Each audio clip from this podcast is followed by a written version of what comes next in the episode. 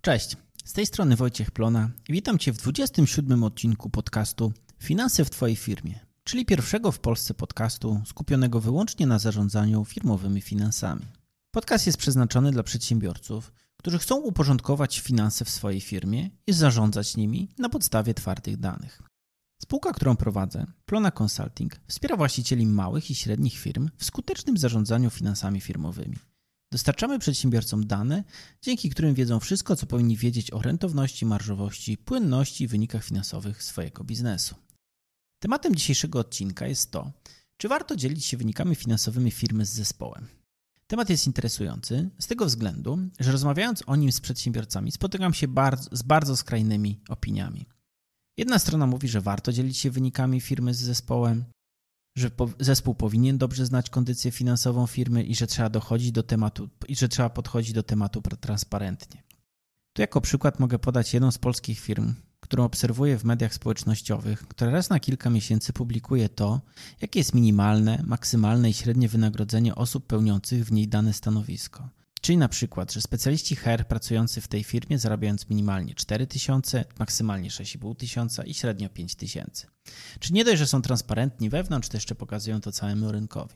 Chociaż jak się teraz zastanawiam, to, to nie wiem, czy to jest bardziej kwestia procesu rekrutacyjnego i chęci chwalenia się, czy faktycznej transparentności. Natomiast nie zmienia to faktu, że faktycznie to robią. Z drugiej strony są zaś osoby, które mówią, że zespół powinien wiedzieć o finansach tak niewiele, jak to tylko możliwe, bo to przecież nie ich interes.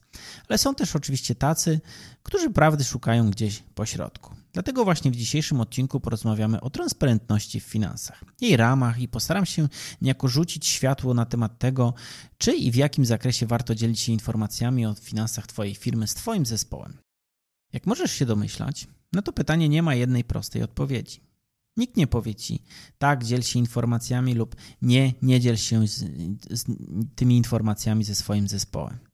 Bo nikt nie zna Twojej organizacji lepiej niż Ty sam, albo nie ma takiego poczucia i nie zna tych ludzi.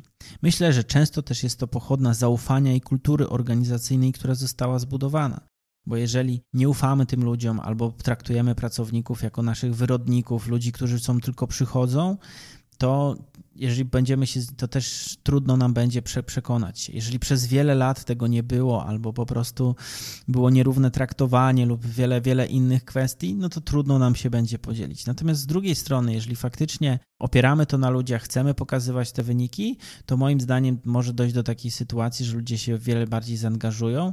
Kiedyś miałem takie myślenie, że jeżeli ludzie zobaczą, że więcej pieniędzy firma zarabia, to będą chcieli więcej. Natomiast po dłuższej pracy z, ze specjalistą, z ekspertem HR e, zrozumiałem, że pieniądze są ważne i oczywiście warto wynagradzać rynkowo, natomiast to nie jest jedyna najważniejsza rzecz i to nie jest też tak, że pracownicy tylko czyhają, żeby zobaczyć, ile pieniędzy zarobił przedsiębiorca i pójść po podwyżkę. No to jeżeli tak jest, no to wtedy warto się zastanowić, czy z mojej perspektywy oczywiście, czy to są ludzie, którzy faktycznie powinni pracować, albo czy my w ogóle takich chcemy wiedzieć organizacji, ale myślę, że to jest kwestia i rozmowa na zupełnie inny temat. Dlatego właśnie postaram się opowiedzieć o kilku perspektywach, dlaczego warto i dlaczego nie warto dzielić się takimi kwestiami z zespołem, lub jakie mogą być w tym ryzyka. Moim dzisiejszym celem nie jest to, aby przekonywać cię za którąś z opcji, a pokazać ci informacje, które sprawią, że sam, sam podejmiesz decyzję. Na koniec opowiem Ci też, jak to u mnie było i jakie są moje doświadczenia. Bardzo proszę Cię, żebyś spojrzał na to z pewnym dystansem. Ja Ci mów, dzielę się swoimi doświadczeniami, natomiast nie mówię, że w każdej firmie tak to zadziała i taki będziesz miał taki sam efekt. Zacznijmy zatem od tego, dlaczego warto dzielić się kwestiami finansowymi z Twoim zespołem. Widzę tutaj trzy kluczowe korzyści. Po pierwsze, Twój zespół zacznie lepiej rozumieć Twój biznes. Zaryzykuję takie stwierdzenie, że jeśli zatrudniasz przynajmniej 10 osób, to prawdopodobnie w Twoim zespole jest przynajmniej kilku ludzi, którzy nigdy nie prowadzili własnego biznesu w których rodzinie nie było nigdy przedsiębiorczych tradycji i, i którzy generalnie nie mieli do tej pory wiele wspólnego z przedsiębiorczością. Nieco generalizując, tacy pracownicy często nie do końca wiedzą, jak operuje biznes i skąd się biorą różne biznesowe decyzje lub zależności. Tacy pracownicy mogą nadmiernie zwracać uwagę na przychody, nie widzieć kosztów marketingu, sprzedaży czy kosztów ogólnych i mieć mylne przekonanie, że firma zarabia miliony, Co ciekawe, spotkałem się z taką opinią pracowników, że jak jest wystawiana faktura, to od razu jest zapłacona albo szef od razu dostaje tą kasę. A często jak patrzę, to często jest tak, że szefowie, którzy mają firmy, które mają duże przychody, to dochodzi do tego, że oni tak naprawdę przez to, że chcą skalować swoje firmy, zarabiają naprawdę mało, ponieważ to wszystko, co firma zarobi, przekładają na kolejny rozwój, na kolejny rozwój i może skala firmy wydawać się duża, to tak naprawdę zyski i to, co właściciel zarabia, jest często może nie, nie zawsze, ale zdarza mi się często, albo zdarza mi się w ogóle zobaczyć takie sytuacje, w których szef zarabia czasami mniej niż niektórzy jego pracownicy.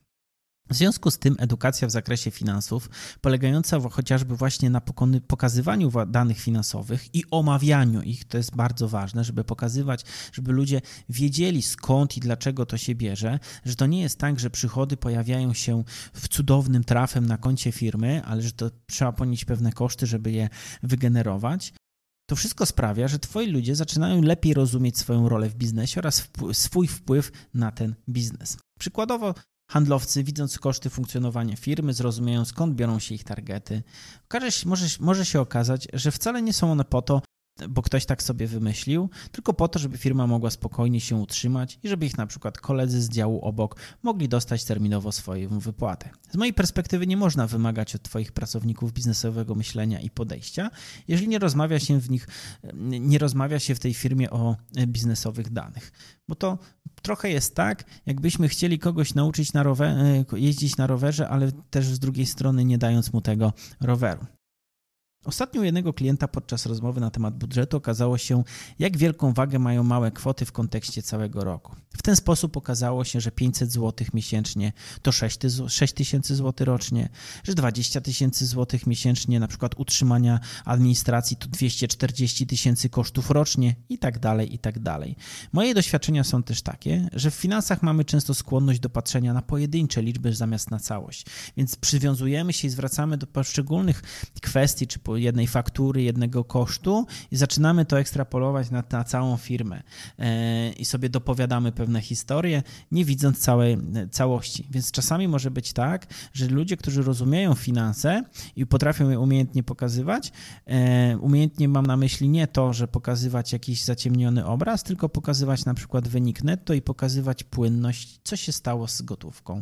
Bo może być taka firma, która zarobiła sobie 100 czy 200 tysięcy w danym miesiącu, ale tak naprawdę na wyniku cashowym może być tak, że ktoś nie zapłacił tych faktur, że szybko spłaciliśmy swoje zobowiązania, że kupiliśmy towar na magazyn i wiele, wiele innych kwestii, które powodują, że mimo, że mieliśmy te 100 czy 200 tysięcy zysku, to gotówka jest na zero albo nawet na minus. Po drugie, dane finansowe mogą być dla Ciebie narzędziem budowania poczucia odpowiedzialności, bo dzięki temu, że pokazujesz zespołowi na przykład ogólne wyniki firmy, przychody, koszty i poziom zysku lub straty, pomagasz ludziom zrozumieć ich wkład w budowaniu firmy. Bo nagle okazuje się, że ich decyzje i to, czy pracują efektywnie, nie wpływa tylko na to, czy ich menadżer będzie z nich zadowolony albo czy dostaną premię, ale mają one wpływ na funkcjonowanie organizacji jako całości. I dzięki temu pracownik może faktycznie zacząć się zastanawiać nad pewnymi kwestiami, na przykład nad tym, że koszty materiałów są wysokie, co w konsekwencji może sprawić, że dokonując zakupów będzie miał z tyłu głowy to, że pieniądze, którymi dysponuje, nie biorą się znikąd. I być może dzięki temu kupi on następnym razem towar nieco korzystniej, bo będzie miał poczucie tego, że faktycznie ma to wpływ na funkcjonowanie firmy i to, że jego decyzje odbijają się na całym zespole. Warto podkreślić, że nie wszystkich pracowników interesuje to, czy wpłyną na korzyści finansowe firmy, czy nie. Może okazać się, że pracownik, który zna liczby, dalej uważa, że przysłowiowy szef zarabia za dużo i dalej będzie robił swoje.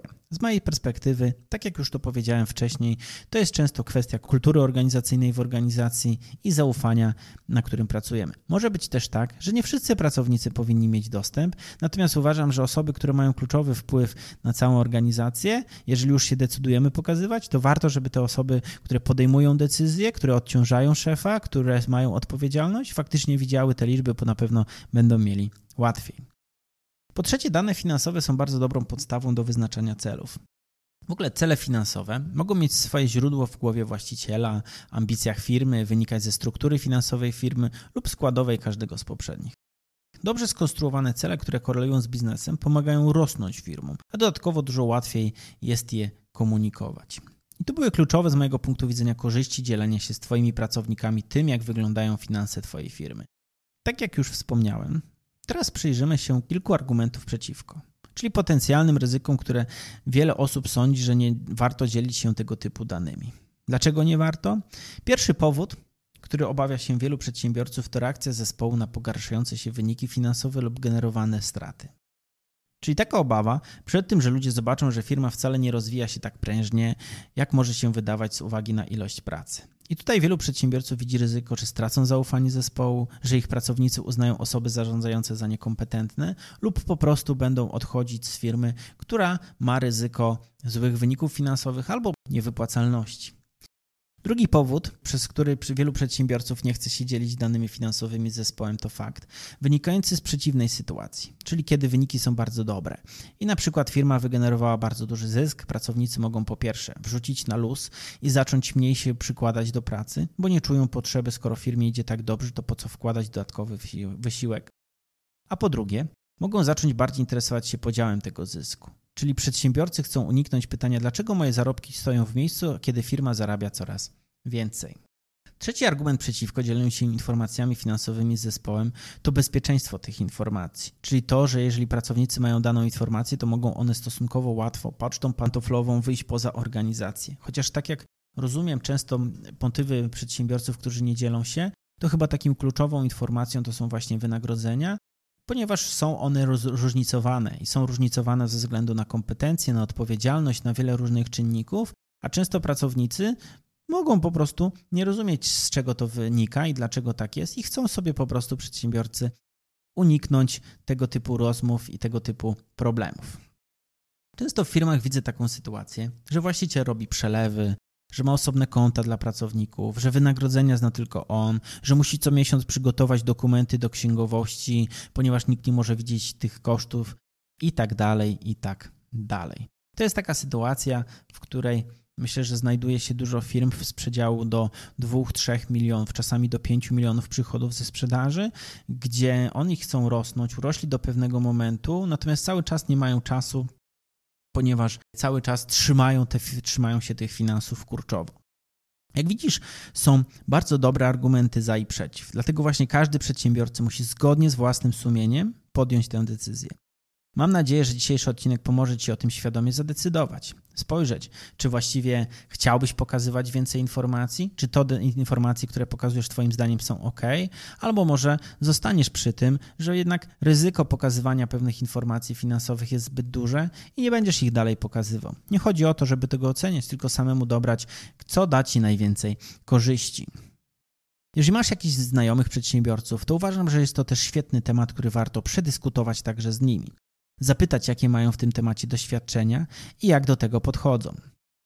Na koniec chciałbym odejść trochę od obiektywnych argumentów i opowiedzieć krótko o moim doświadczeniu jako osoby, która widziała od wewnątrz około 300 firm.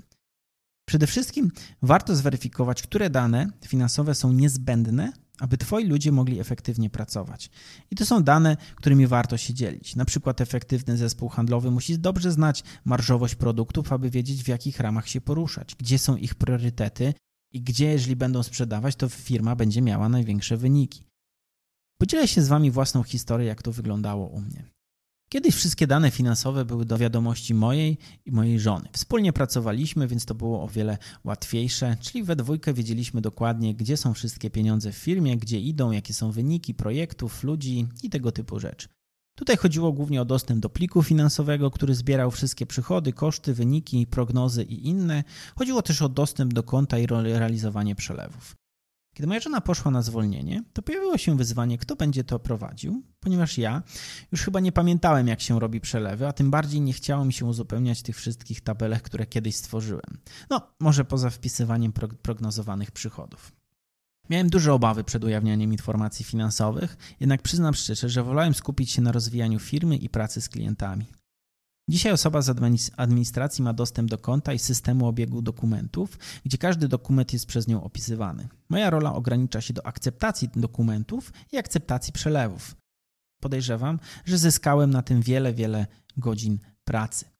Kiedyś był moment, że pokazywałem wyniki finansowe, ale w pewnym momencie nie było na to czasu. Ale po prostu moja żona to wcześniej przygotowała i zbierała, a później doczekaliśmy się potomka. Teraz planuję do tego wrócić. Przyznam szczerze, że z perspektywy pracownika chciałbym przynajmniej raz na miesiąc, albo raz na kwartał, albo raz na pół roku dowiedzieć się, że jest dobrze w wynikach finansowych, że nikt nie ściemnia i że idziemy w dobrą stronę. Co więcej, mam taką zasadę, że osoba odpowiedzialna za dany obszar powinna znać wyniki. I tak osoba odpowiedzialna za projekty zna wyniki projektów, osoba odpowiedzialna za marketing planuje ten budżet i go zna, tak samo jak administracja planuje ten budżet i wie z jakimi kosztami pracuje. Z mojej perspektywy to nie tylko ma korzyść w postaci tego, że mogę się skupić na innych rzeczach, a moja rola jest nadzorcza, ale też taki, że ci ludzie są bliżej tych procesów i kosztów, które ponosimy i mogą lepiej ocenić, jaka kwota w danym wierszu powinna się znaleźć, zwłaszcza w kontekście budżetowania. Oczywiście nie mówię też tak, żeby w 100% puścić wozę fantazji i nieważne co tam wpiszemy, żeby to realizować, ale żeby też mieć otwartość na pewne pomysły i na pewną wiedzę, no ponieważ ludzie, którzy po prostu codziennie, nie wiem, raz w miesiącu kupują kawę albo zamawiają usługi sprzątające, albo e, kupują reklamy, albo wiedzą co się dzieje i są w stanie lepiej to ocenić, gdzie będą największe efekty. Przyznam, że kiedyś byłem pełen obaw o poufność informacji i wiele innych kwestii, ale myślę, że ewoluowałem i mam nieco inny punkt widzenia. Głównym powodem tego była chęć rozwijania firmy i zrozumienie, że pewne zadania i role w organizacji muszę odpuścić, żeby pójść dalej. Przyznam szczerze, że ostatnio nawet musiałem zrobić przelew. Nie sądziłem, że to tyle trwa. I tutaj dochodzimy do końca dzisiejszego odcinka. Na zakończenie odcinka mam krótką prośbę. Jeżeli wiedza finansowa, którą dzielę się w tym podcaście, jest dla Ciebie cenna, to zostaw proszę podcastowi ocenę w platformie, na której go słuchasz. W Spotify, w Apple Podcasts lub Google Podcasts. A jeżeli chcesz dostawać mailowe powiadomienia o nowych odcinkach podcastu, możesz zapisać się do naszego finansowego newslettera, wchodząc na www.plonaconsulting.pl. Tymczasem na dziś ode mnie to już tyle. Dziękuję za przesłuchanie tego odcinka do samego końca i do usłyszenia w kolejnych odcinkach podcastu Finanse w Twojej firmie. Cześć!